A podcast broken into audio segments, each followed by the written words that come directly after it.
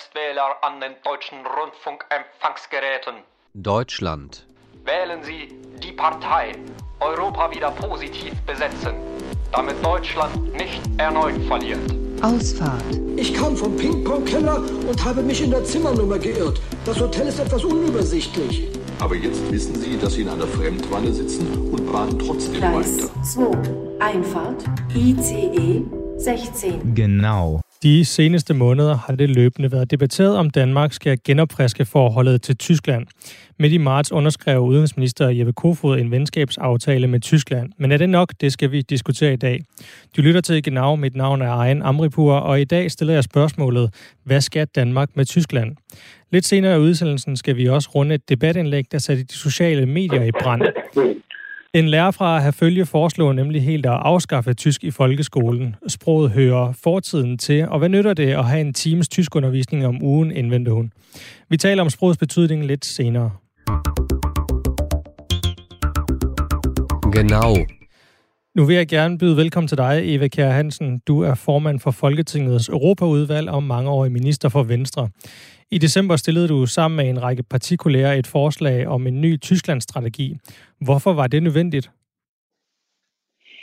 Det er så vigtigt for Danmark at have tætte forbindelser til Tyskland. Altså det er vores øh, store nabo øh, mod syd.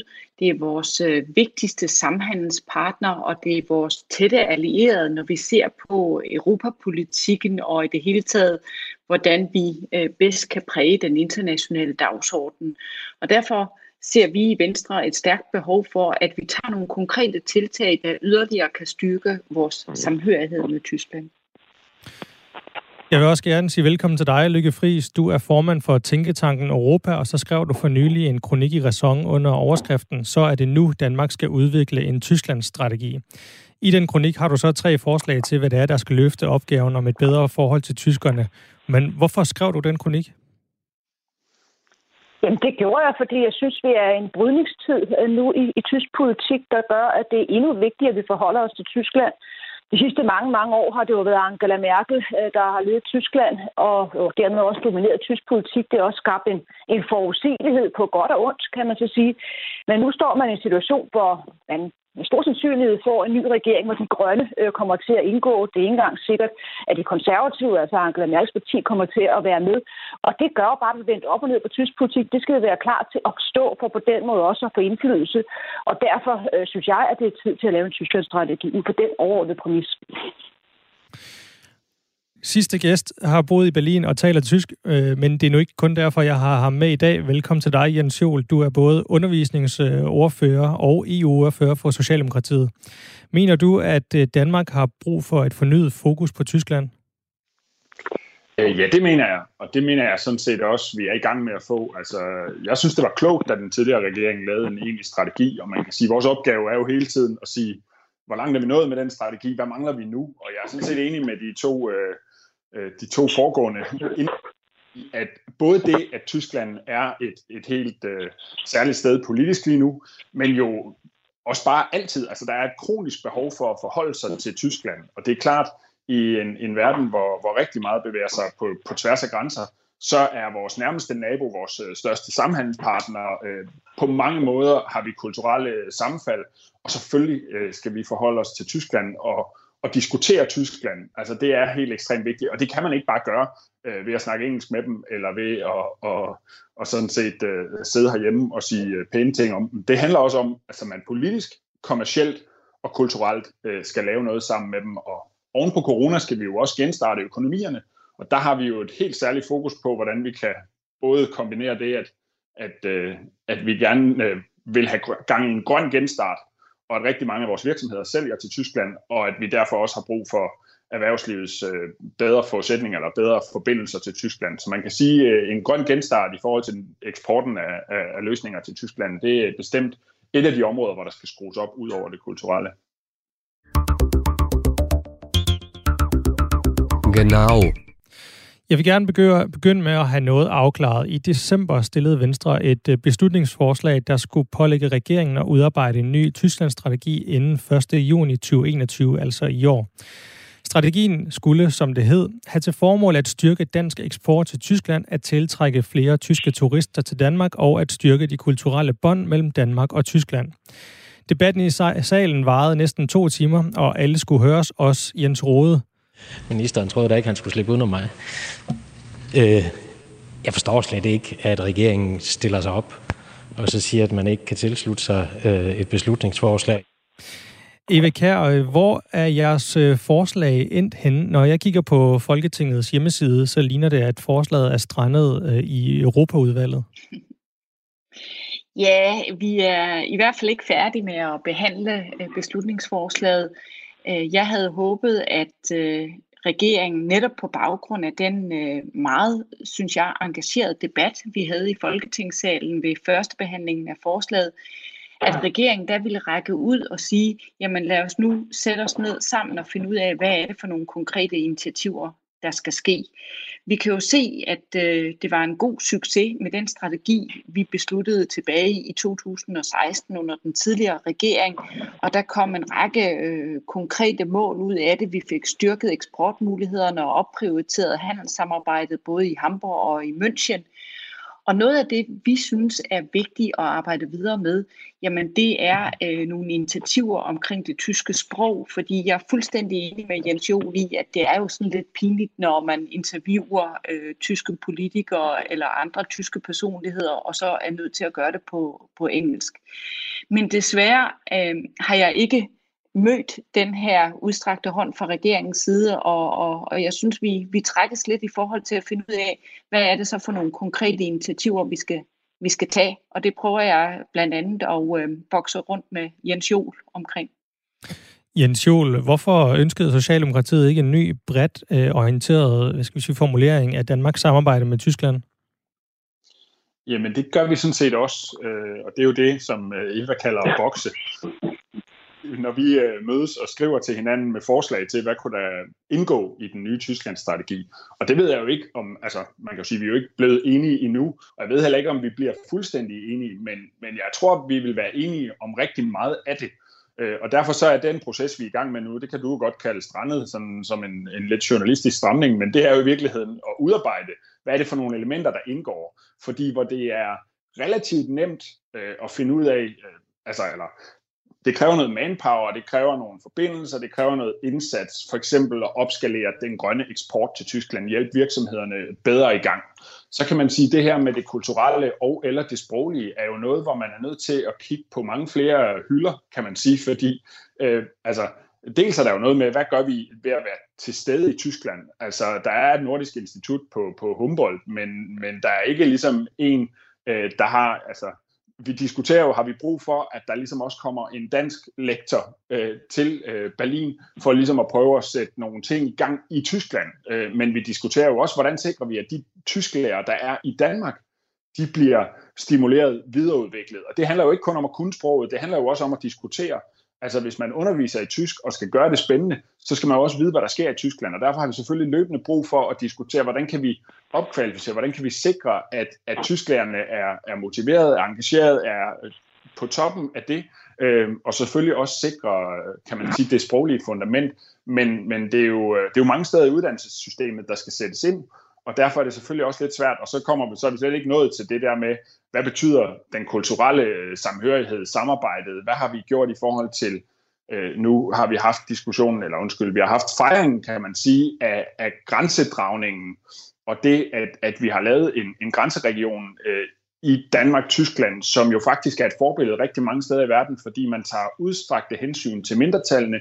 Det ved øh, Eva og Lykke, tror jeg, en hel del mere om. Jeg har kun boet i Flensborg i en, i en kortere periode i mit liv. Men, men det der med, at man faktisk i den region har øh, et samspil mellem, øh, mellem to kulturer, øh, og mindretal på begge sider af grænsen og sådan noget.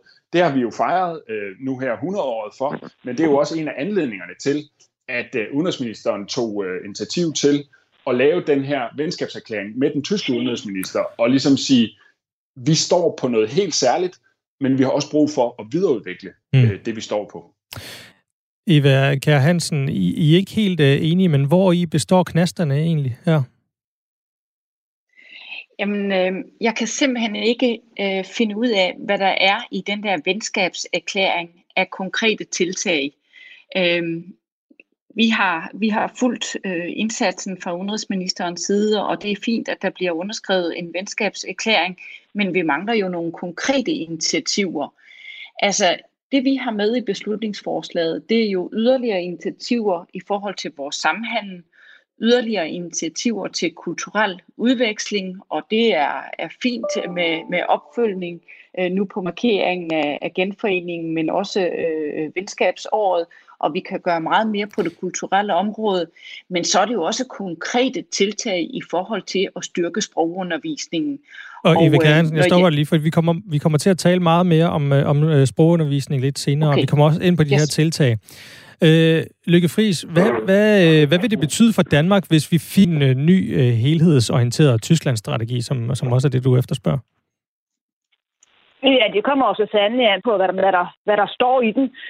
Og nu blev der lige øh, henvist til den her nye erklæring, som jeg personligt synes er en meget god idé, der er blevet indgået mellem Tyskland og Danmark. Jeg havde selv fornøjelsen af at, at lede det øh, webinar, som det hedder nu om dagen, øh, med, med de to ministre, og så også en, en række unge fra, fra grænselandet.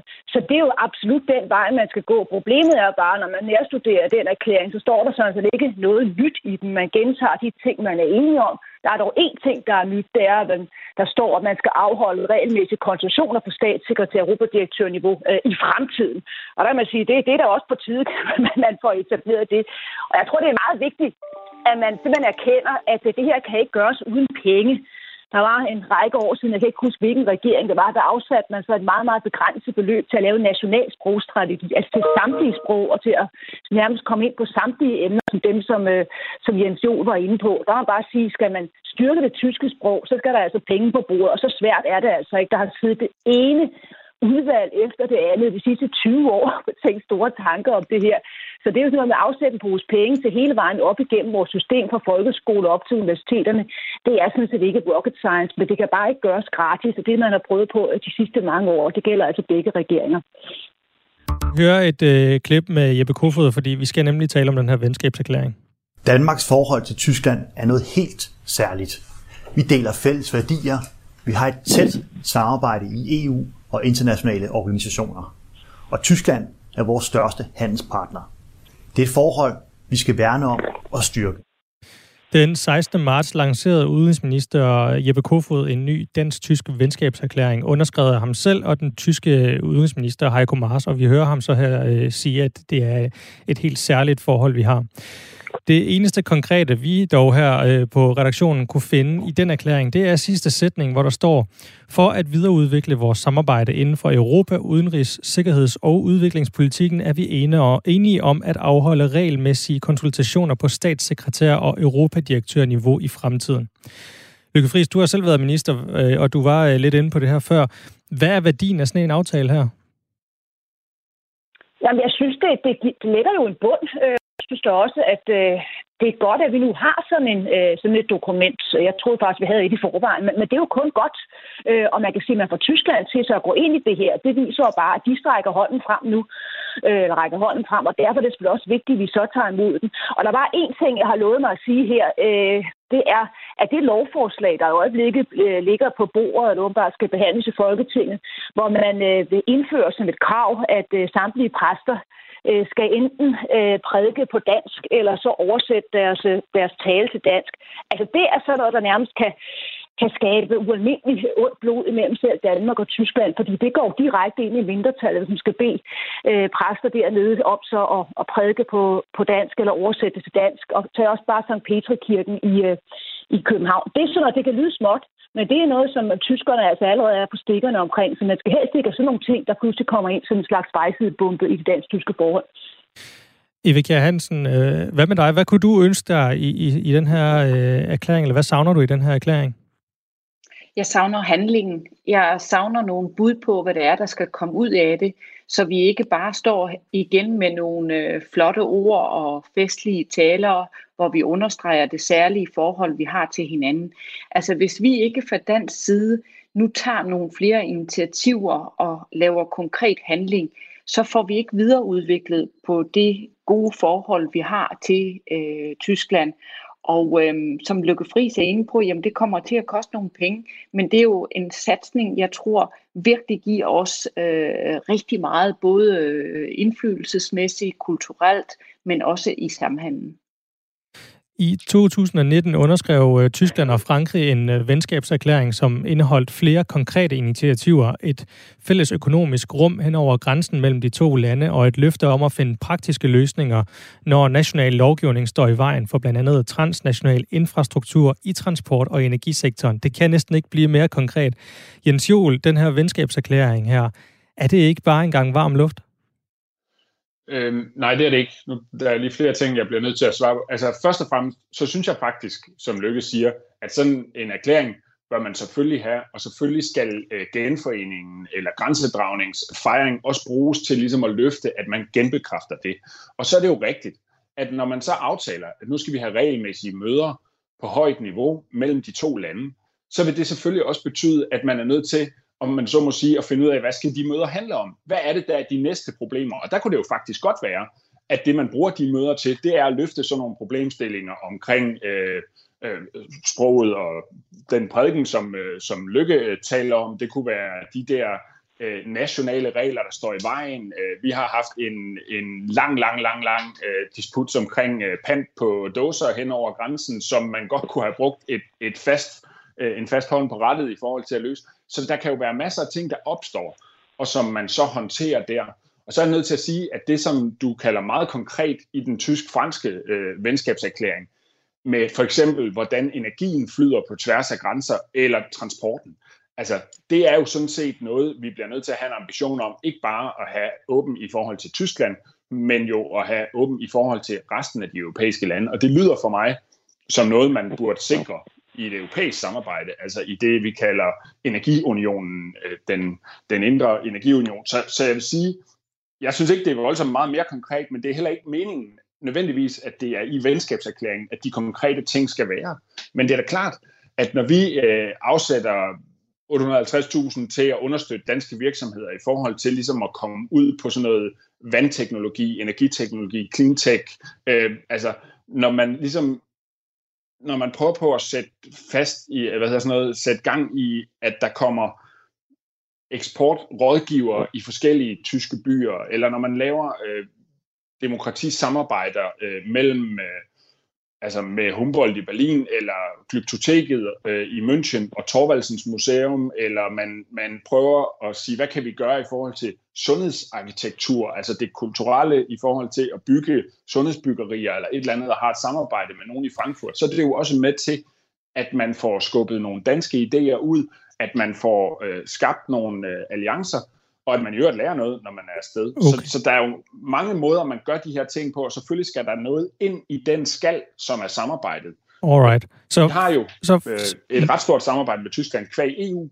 Det vi så skal lægge ovenpå, det er de ting, der kun handler om vores to lande, kan man sige. Så for dig handler det øh, også om det symbolske, altså at Tyskland og, og Danmark har vist en intention om øget samarbejde her?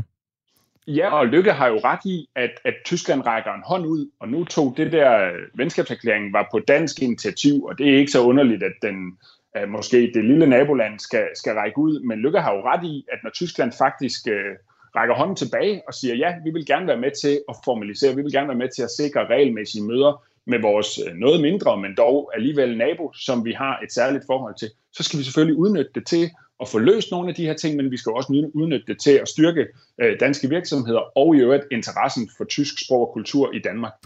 Eva Kjær Hansen, er du ikke enig i det her? Er det ikke en meget god start? Altså, jeg synes, det er udmærket, og det er godt, at der ligger en aftale om regelmæssige møder, men det, der jo mangler, det er, hvad, hvad der skal komme ud af, af de møder.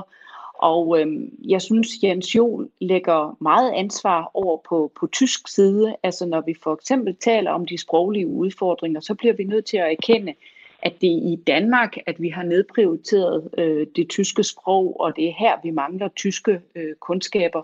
Så for mig at se, så er det nogle meget mere grundlæggende initiativer, som vi skal tage i Danmark, fordi det først og fremmest er i Danmarks interesse at få styrket de her relationer. Lykke, Lykke Fri, Lykke Friis, i din øh, kronik i Ræson, der kommer du med tre øh, konkrete forslag, der skal øh, styrke den dansk-tyske relation. Et af dem er en øh, større direkte kontakt mellem danske og tyske politikere, og som du siger, øh, personlige rela- relationer betyder øh, bare noget. Eva Kjær Hansen, øh, hvornår mødtes øh, du sidst med en tysk politiker? Det er faktisk ikke øh, særlig lang tid siden, at øh, vi var afsted øh, i Europaudvalget, og øh, jeg har så yderligere et tæt samarbejde med politikere i grænselandet. Vi havde en konference her i januar, hvor vi talte om, hvordan vi yderligere kunne, kunne lette øh, kvæmmet øh, på kryds og tværs af, af grænsen.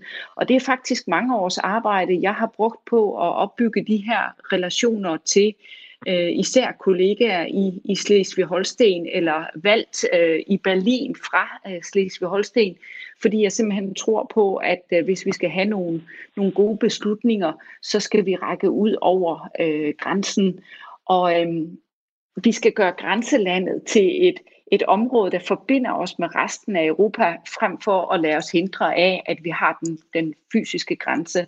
Men altså, det er jo også et eksempel på et område, hvor, øh, hvor os, der kommer fra regionen, indimellem har syntes, at det var svært at råbe København op og få taget øh, de tiltag, der yderligere kunne, kunne forstærke samarbejdet. Altså det er jo et spørgsmål om at bruge hinandens faciliteter, altså øh, tage det nærmeste hospital, uanset om det er på den ene eller den anden side af, af grænsen, at beredskabet kommer, uanset om det er den ene side eller den anden side af grænsen, osv. Jens Jol, øh, samme spørgsmål til dig. Hvornår mødtes du sidst med en uh, tysk politiker? Jamen, det er noget tid siden, men det er nu også meget lang tid siden, jeg har, har rejst uh, lige nu. Jeg snakker dog stadigvæk med, med en del af dem, som, uh, som jeg kender fra min tid i Bruxelles. Øh, fordi når man er i øh, EU-systemet, så ved man godt, at uh, noget af det, der, der er forudsætningen for, at man faktisk kan, kan være en dygtig rådgiver og begå sig og være en dygtig politiker, det er, at man øh, også orienterer sig imod, hvad, hvad de tyske parlamentarikere og øvrigt den tyske regering og sådan noget gør. Så jeg havde, øhm, men, men jeg havde for eksempel, da jeg sidste gang var Europaoverfører, det er for relativt nylig blevet det igen, men da jeg sidste gang var Europaoverfører, der blev jeg inviteret til Berlin af det, det tyske Socialdemokratis øh, bundestagsgruppe øh, for at holde et oplæg omkring, altså forud for, for det formandskab, vi havde for nu ni år siden.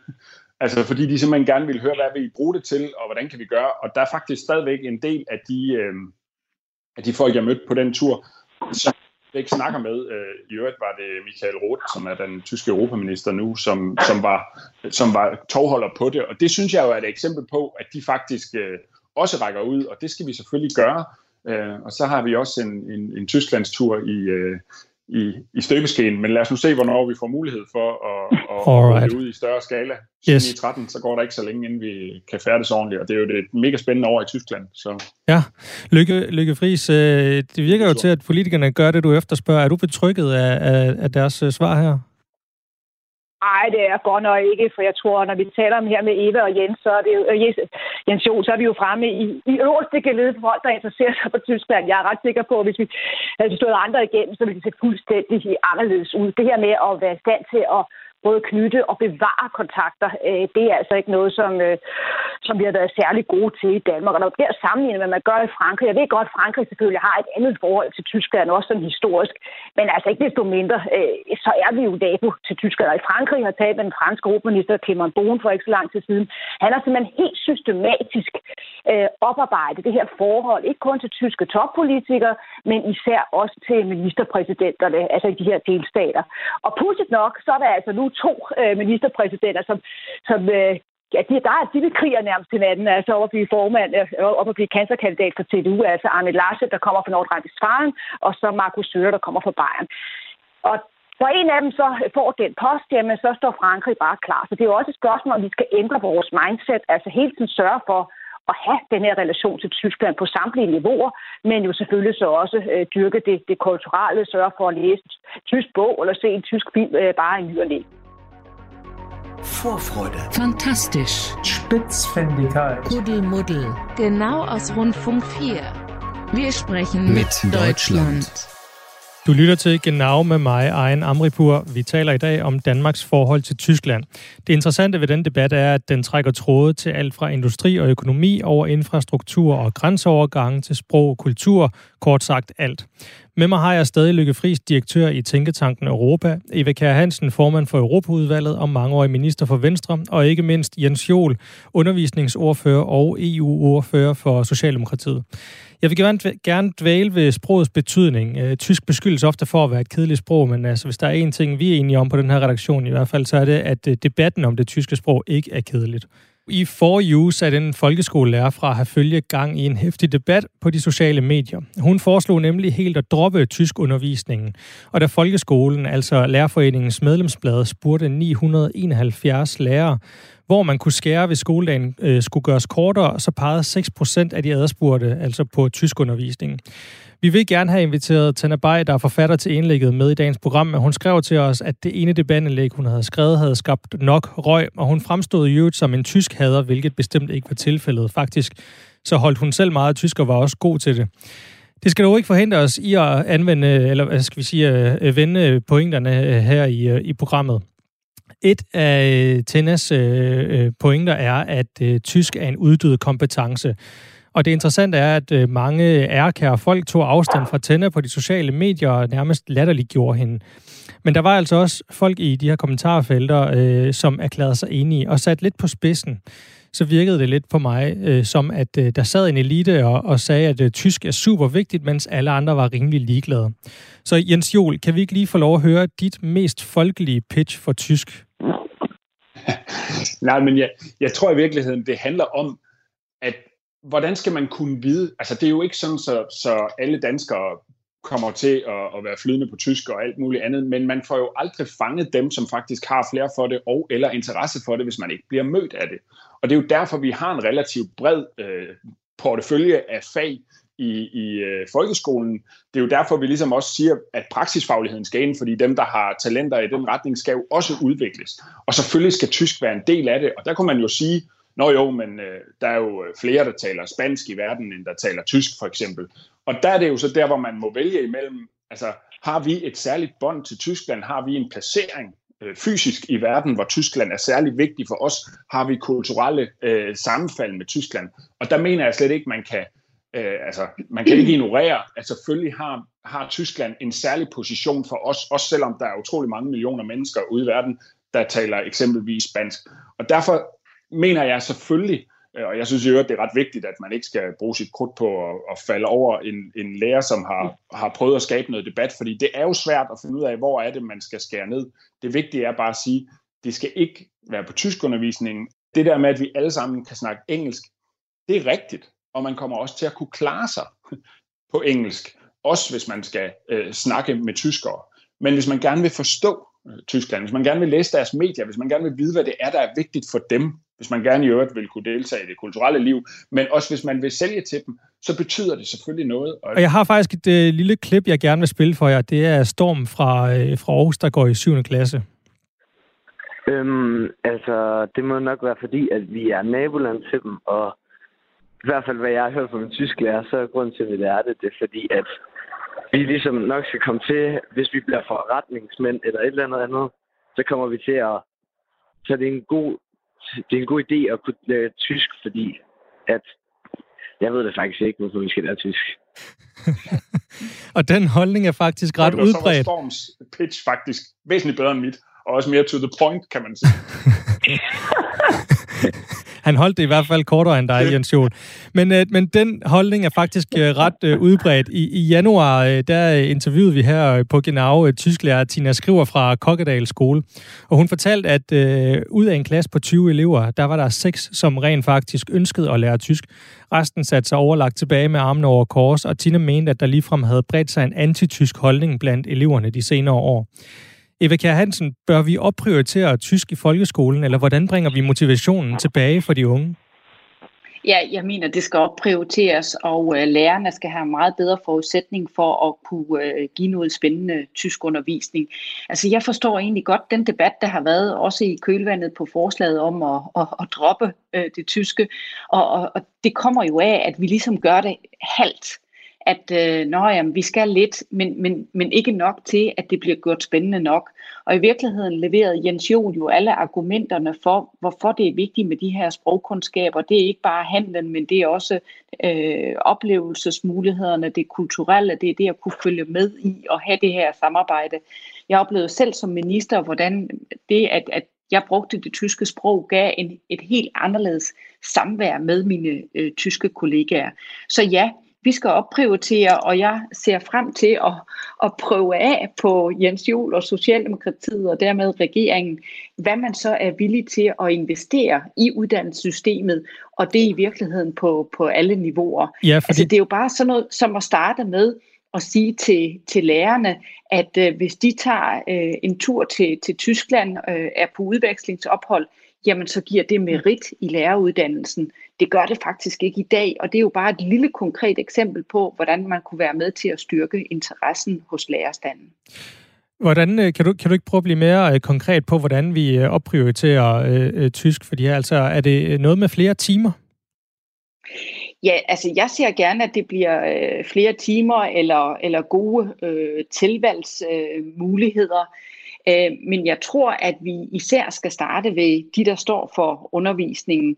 Altså nu, øh, mine børn har selv gået i tysk skole, og de synes jo efterfølgende, der hvor de har mødt øh, tysk øh, i undervisningssystemet, at øh, der har de været voldsomt udfordret af debatten med dem, der skulle undervise dem i tysk, om hvorvidt det nu også var det korrekte.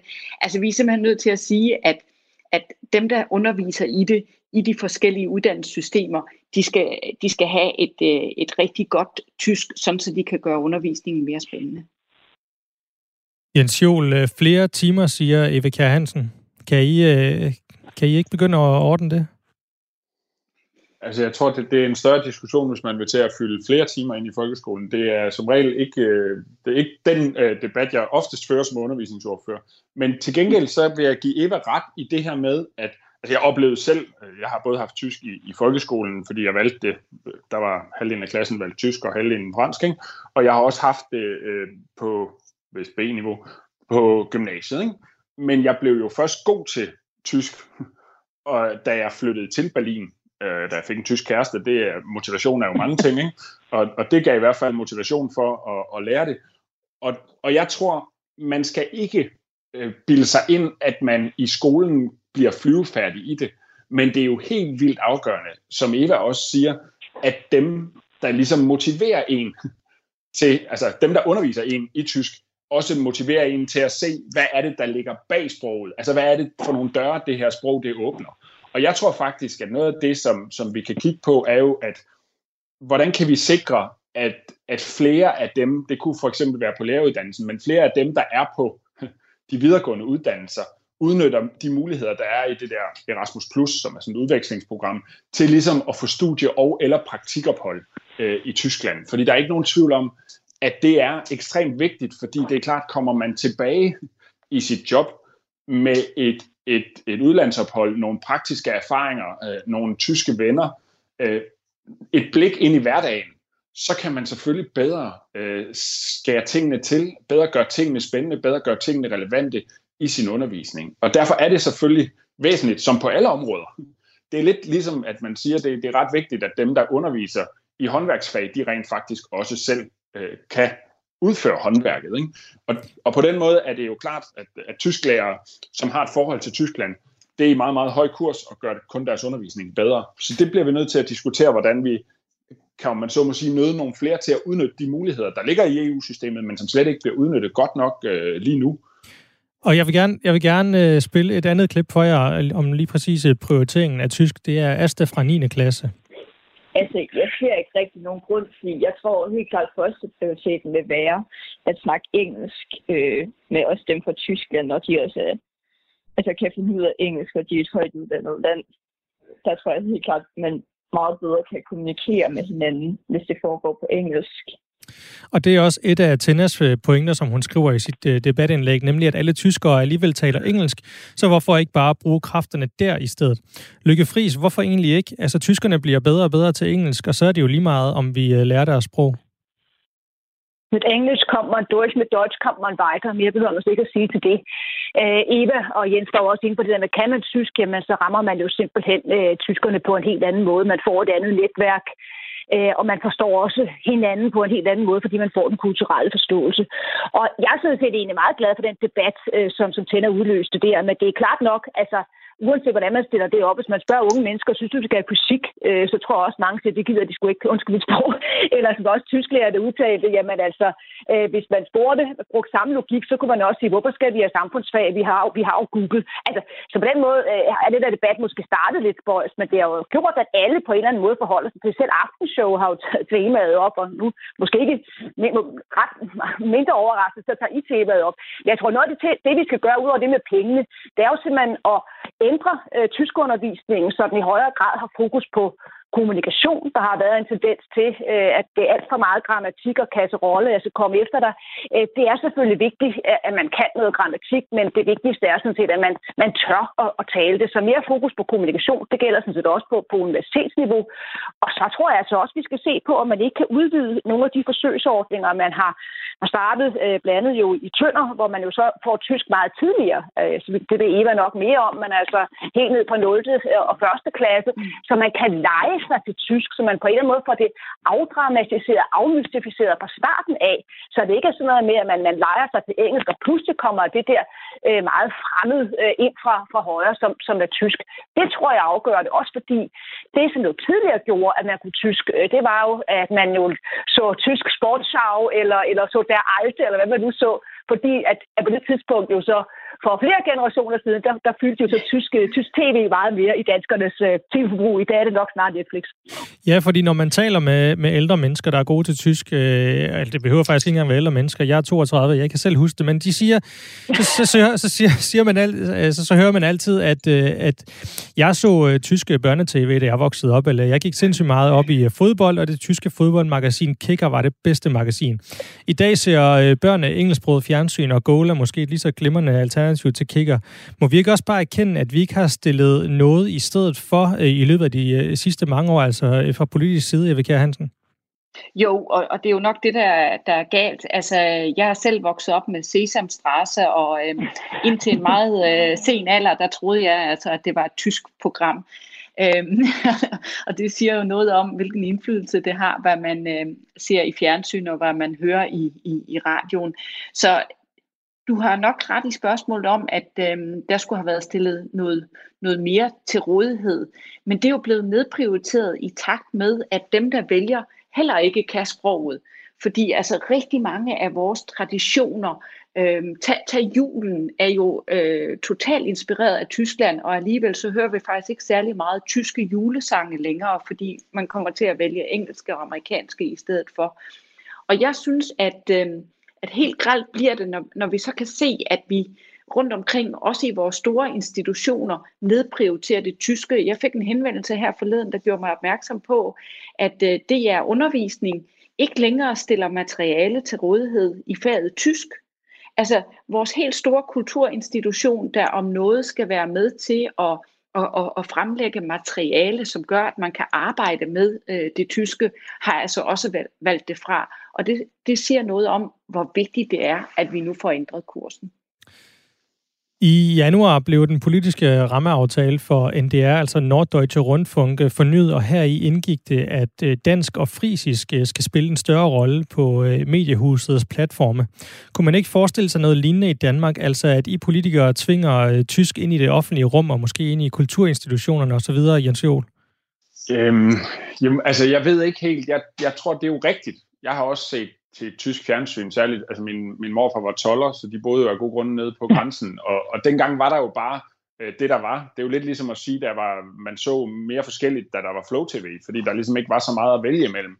Altså, og jeg, jeg er ikke sikker på, at man får, øh, når der er så meget valgmulighed, så, så får man jo ikke nødvendigvis folk til at se det alene fordi det er tilgængeligt. Men selvfølgelig skal vi også øh, diskutere tilgængeligheden. Og jeg tror bare, det er ret vigtigt at sige, at det jo ikke i stedet for engelsk.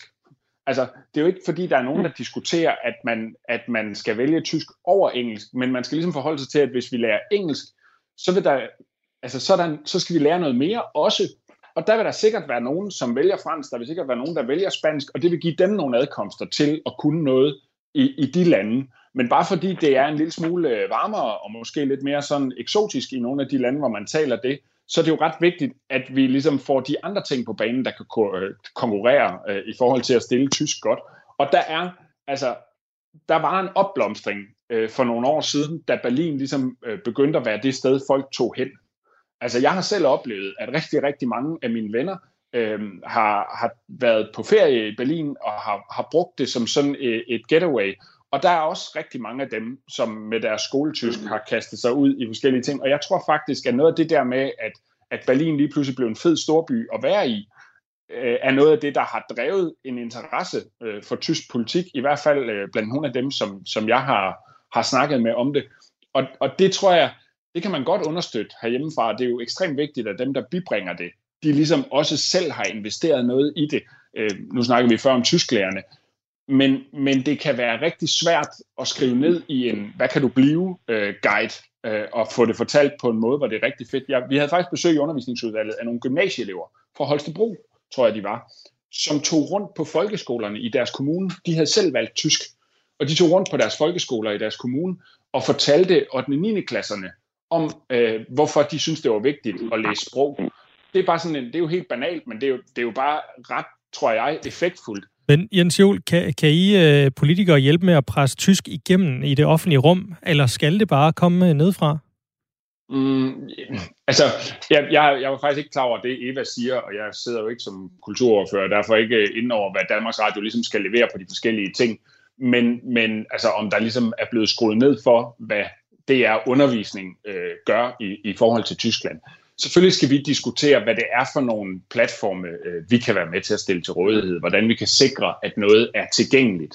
Det jeg bare siger, det er, at når jeg ser tyske serier på Netflix, så er det jo fordi, det er gode serier. Jeg har også set, at der for nylig var sådan en, en dramaserie med nogle belgier og nogle tyskere og nogle danskere, hvor man lavede sådan, øh, som blev sendt i bedste sendetider, hvis det var sådan en, jeg tror det var en DR-produktion. Og det er jo sådan noget, hvor man kan sige, man også, der er jo også en ny en, dansk-tysk, øh, sikkert i forbindelse med venskab, eller hvad er det, genforeningsåret. Men, men det er jo sådan noget, hvor man ligesom kan gøre tysk sprog øh, tilgængeligt på nogle platforme, som bliver set af mange. Men det, at det ligger et eller andet sted, og man kan finde det frem, det er jo ikke det samme som, at det slår igennem.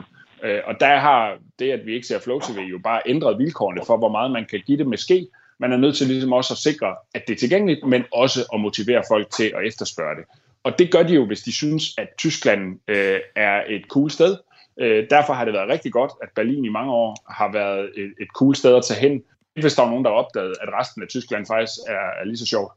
Lykke Friis, du skriver øh, selv til sidst i din kronik øh, fra Raison, at øh, vi bliver simpelthen nødt øh, nødt til at få gjort noget ved de danske øh, tyske øh, sprogkundskaber, som fortsat er i frit fald, og måske også den ty- altså dansk interesse for Tyskland. Hvad savner du at, at høre her fra politikerne? Jeg synes, at jeg hører det, det rigtige, øh, men øh, det nytter ikke noget at sige det. Man skal også gøre det. Øh, og, og der må jeg bare minde om igen det med tyske sprog, og nu taler jeg også om tidligere prorektor på Københavns Universitet, at det der er blevet lavet så mange undersøgelser om, der er bare ikke rigtig blevet gjort noget ved det, og det er desværre et spørgsmål om penge. Altså pædagogik, det koster. Så det vil sige, at man kan altså ikke stue havre af elever ind på samme måde, eller studerende på, på et øh, tysk studie, som man kan øh, ind på andre fordi man, studier, fordi man skal blive nødt til at have den der pædagogik ind. Og det igen, øh, det tror jeg, man bliver nødt til at fokusere på, og så også være villig til at afsætte penge til det. Men så er det klart, at jeg går ikke ind for tysk. Jeg tror ikke noget, man kan stoppe ned i, halsen øh, på, på danskerne.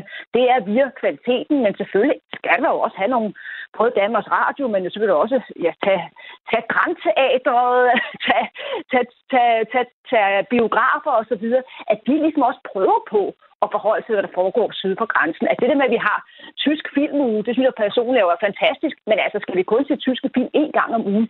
Det skal vi nok ikke. Dertil er de simpelthen for gode. Så der ligger selvfølgelig en udfordring der i at få det spredt ud. Genau. Her til sidst vil jeg gerne vende tilbage til, hvad vi øh, gør helt konkret. Nu har vi øh, faktisk næsten et øh, folketingsflertal i studiet. Vi mangler øh, to mandater efter et par venstremedlemmer er skiftet til de konservative siden sidste valg. Men de to øh, vil vi gerne hjælpe med at finde her på Genau i hvert fald. Og så har vi endda en kyndig øh, ekspert i Tyskland med som, øh, som rådgiver. Så Eva Kjærensen, hvad skal der øh, ske herfra? Jamen, øh, jeg synes jo, vi har en øh, god debat her i dag, og øh, jeg vil så drøfte videre med Jens Jol, øh, hvad de vil være med til at, at tage af konkrete initiativer. Altså, jeg, jeg synes jo, det handler om, at vi styrker motivationen for at lære tysk. Det er et spørgsmål om øh, de rigtige faglige miljøer, men det er jo også et spørgsmål om at sørge for at, øh, at, at give mulighed for udveksling og stipendiater og lignende. Altså simpelthen opprioritere i forhold til den mulighed, der er for at erhverve sig tysk kundskaber. Men med Jens Jols øh, ord i dag, der er jeg rimelig fortrøstningsfuld i forhold til, at vi kan få lavet en god aftale. Og hvad er, hvad er tidshorisonten i, i sådan en aftale? Jamen, øh, vi lagde jo beslutningsforslaget op til, at øh, regeringen skulle handle inden øh, juni måned. Så øh, vi presser på her i løbet af, af de kommende uger for, at vi kan få lavet en aftale og få sat noget arbejde i gang. Og Jens Jol, øh, samme spørgsmål øh, til dig. Hvad gør vi herfra, og hvor lang tid skal det tage? Ja, altså, det er jo lidt vigtigt at sige for mig i hvert fald, at, at vi er jo allerede i gang. Øhm, og jeg vil meget gerne, at vi finder en, en fælles øh, altså en fælles tekst, bliver enige om nogle ting. Jeg synes jo, at det Eva peger på i forhold til, hvordan kan de videregående uddannelser og Forskningsministeriet samarbejde om at få flere til at bruge det her studiepraktikophold i Tyskland? Altså, hvordan kan vi sikre, at flere får, får tysk ind under huden ved at være der i, i en længere periode, bo der og leve der? Øh, det vil jeg meget gerne være med til at, at diskutere, men men det er jo ikke sådan, at, øh, at vi ingenting gør i forhold til det dansk-tyske forhold, og vi går og venter på det der beslutningsforslag. Men jeg synes, det er klogt, og jeg vil øvrigt gerne tak for, at, at Eva og andre utålmodige sjæle øh, på Tysklands vegne, eller på tysk-kundskabernes øh, vegne, at de presser på. For jeg tror, at Lykke har ret i, at, at vi har måske samlet øh, nogle af nørderne. Jeg er sikker på, at vi er flere end det her, men det er selvfølgelig ikke alle, øh, der har øh, de samme øh, altså de samme hvad hedder sådan noget, forhold til Tyskland, de samme erfaringer.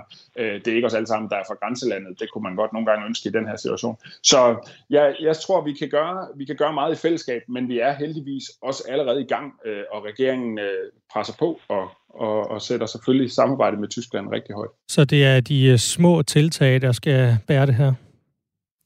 Nej, altså det er jo, det er jo både de, de store forkromede ord i, i venskabserklæringer, det er de øh, jævnlige møder, det er de konkrete øh, tiltag i forhold til øh, flere, der måske kan komme på udveksling. Det kunne være gæsteprofessoratet på Humboldt, som jeg nævnte tidligere. Det er samarbejdet mellem Biblioteket i München og Torvalds Museum. Det, det er samarbejdet imellem øh, de sundhedsbyggerier, som vi gerne vil vise frem øh, fra dansk side, og som vi så tager til Frankfurt og viser frem. Altså det er jo rigtig mange ting helt fra de øverste, kan man sige, de bonede gulve og de flotte skåltaler, og helt ned til konkrete udvekslinger af det og erfaringer. Men her mangler jo Jens øh, netop styrkelsen øh, i undervisningen af tysk i de forskellige uddannelser. Altså hvis ikke vi gør noget der, så er det jo, at øh, tysk som sprog forsvinder. Jens Jol? Ja, altså heldigvis forsvinder tysk under ingen omstændigheder, men det kan være, at vi sætter os I selv Danmark. Ja, ved.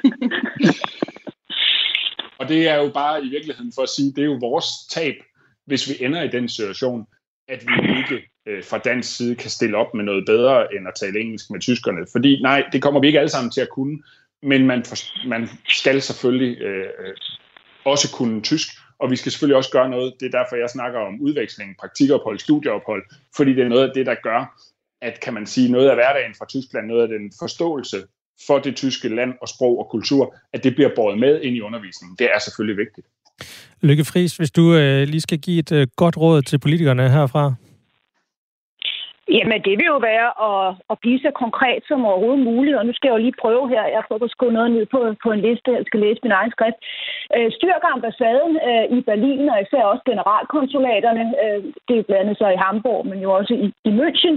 Øh, sørg for, at det næste eksportfremstød, det fokuseres øh, på Sydtyskland. Det er der, når vi har væksten, altså i Bayern og Baden-Württemberg Øh, indføre udvekslingspartnerskabsordninger. Øh, det er jo både jeg skal sige, på folkeskoleplan, men jo sådan set også, at man får inkorporeret. Det kan Dyrk måske også sørge for, at man skal udveksle, så man er embedsmand, øh, så man så bliver nødt til at have nogle tyskkundskaber i, i ministeriet. Husker selv som klima- og energiminister, og ikke nogen, der kunne hjælpe mig med at skrive tale på tysk. Øh, så skal vi altså også huske universiteterne. Der skal være vedligeholdelsestysk. Det vil sige, når man så kommer fra gymnasiet, man har haft tysk, så skal man sørge for, at man også kan fortsætte på en eller anden måde med vedligeholdelse tysk. Det er jo også noget, som, som man kunne bede den nationale sprogcenter om at arbejde videre med. Og så skal man lege tysk, så det vil sige, at man skal altså sørge for at få tysk tidligere, altså 0. til 1. eller 2. klasse, når det nu er. Det kræver også en øget pædagogisk indsats. Og alle de her ting, det koster altså svært nogle gyser, så dem skal man altså også finde. Så er der et bud. Det kan man sige. Det lyder jo til, at øh, I alle sammen er, er relativt øh, enige, så øh, hvad forhindrer jeg egentlig at sætte gang i nogle øh, tiltag lige med det samme? Altså noget, noget mere konkret, noget på skrift? Jamen altså, vi har gang i tiltag. Og ja, Eva og jeg, vi sender også mails til hinanden og holder møder og formulerer og prøver at komme med bud. Og jeg er sikker på, at Eva tænker nogle ting, som jeg ikke har fundet på endnu, og derfor er det godt, at vi snakker om det på tværs. Men vi er sådan set i gang med at finde ud af, hvad er, hvad er overbygningen til den strategi, som den tidligere regering lavede, og som vi heldigvis er kommet et stykke med, som vi jo ikke er i mål med endnu. Hvad skal være overbygningen på den? Øh, det vil vi selvfølgelig meget gerne diskutere. Tak fordi I vil være med. Lykke Friis, direktør i Tænketanken Europa, Eva Kjær Hansen, formand for Europaudvalget og mangeårig minister for Venstre, og ikke mindst tak til dig, Jens Jol, undervisnings- og EU-ordfører for Socialdemokratiet. Du har lyttet til Genau med mig, Ejen Amripur. Skriv til os på genau-radio4.dk, hvis du har noget, du gerne vil fortælle os, ris eller ros. Genau er tilbage om en uge. Auf Wiedersehen.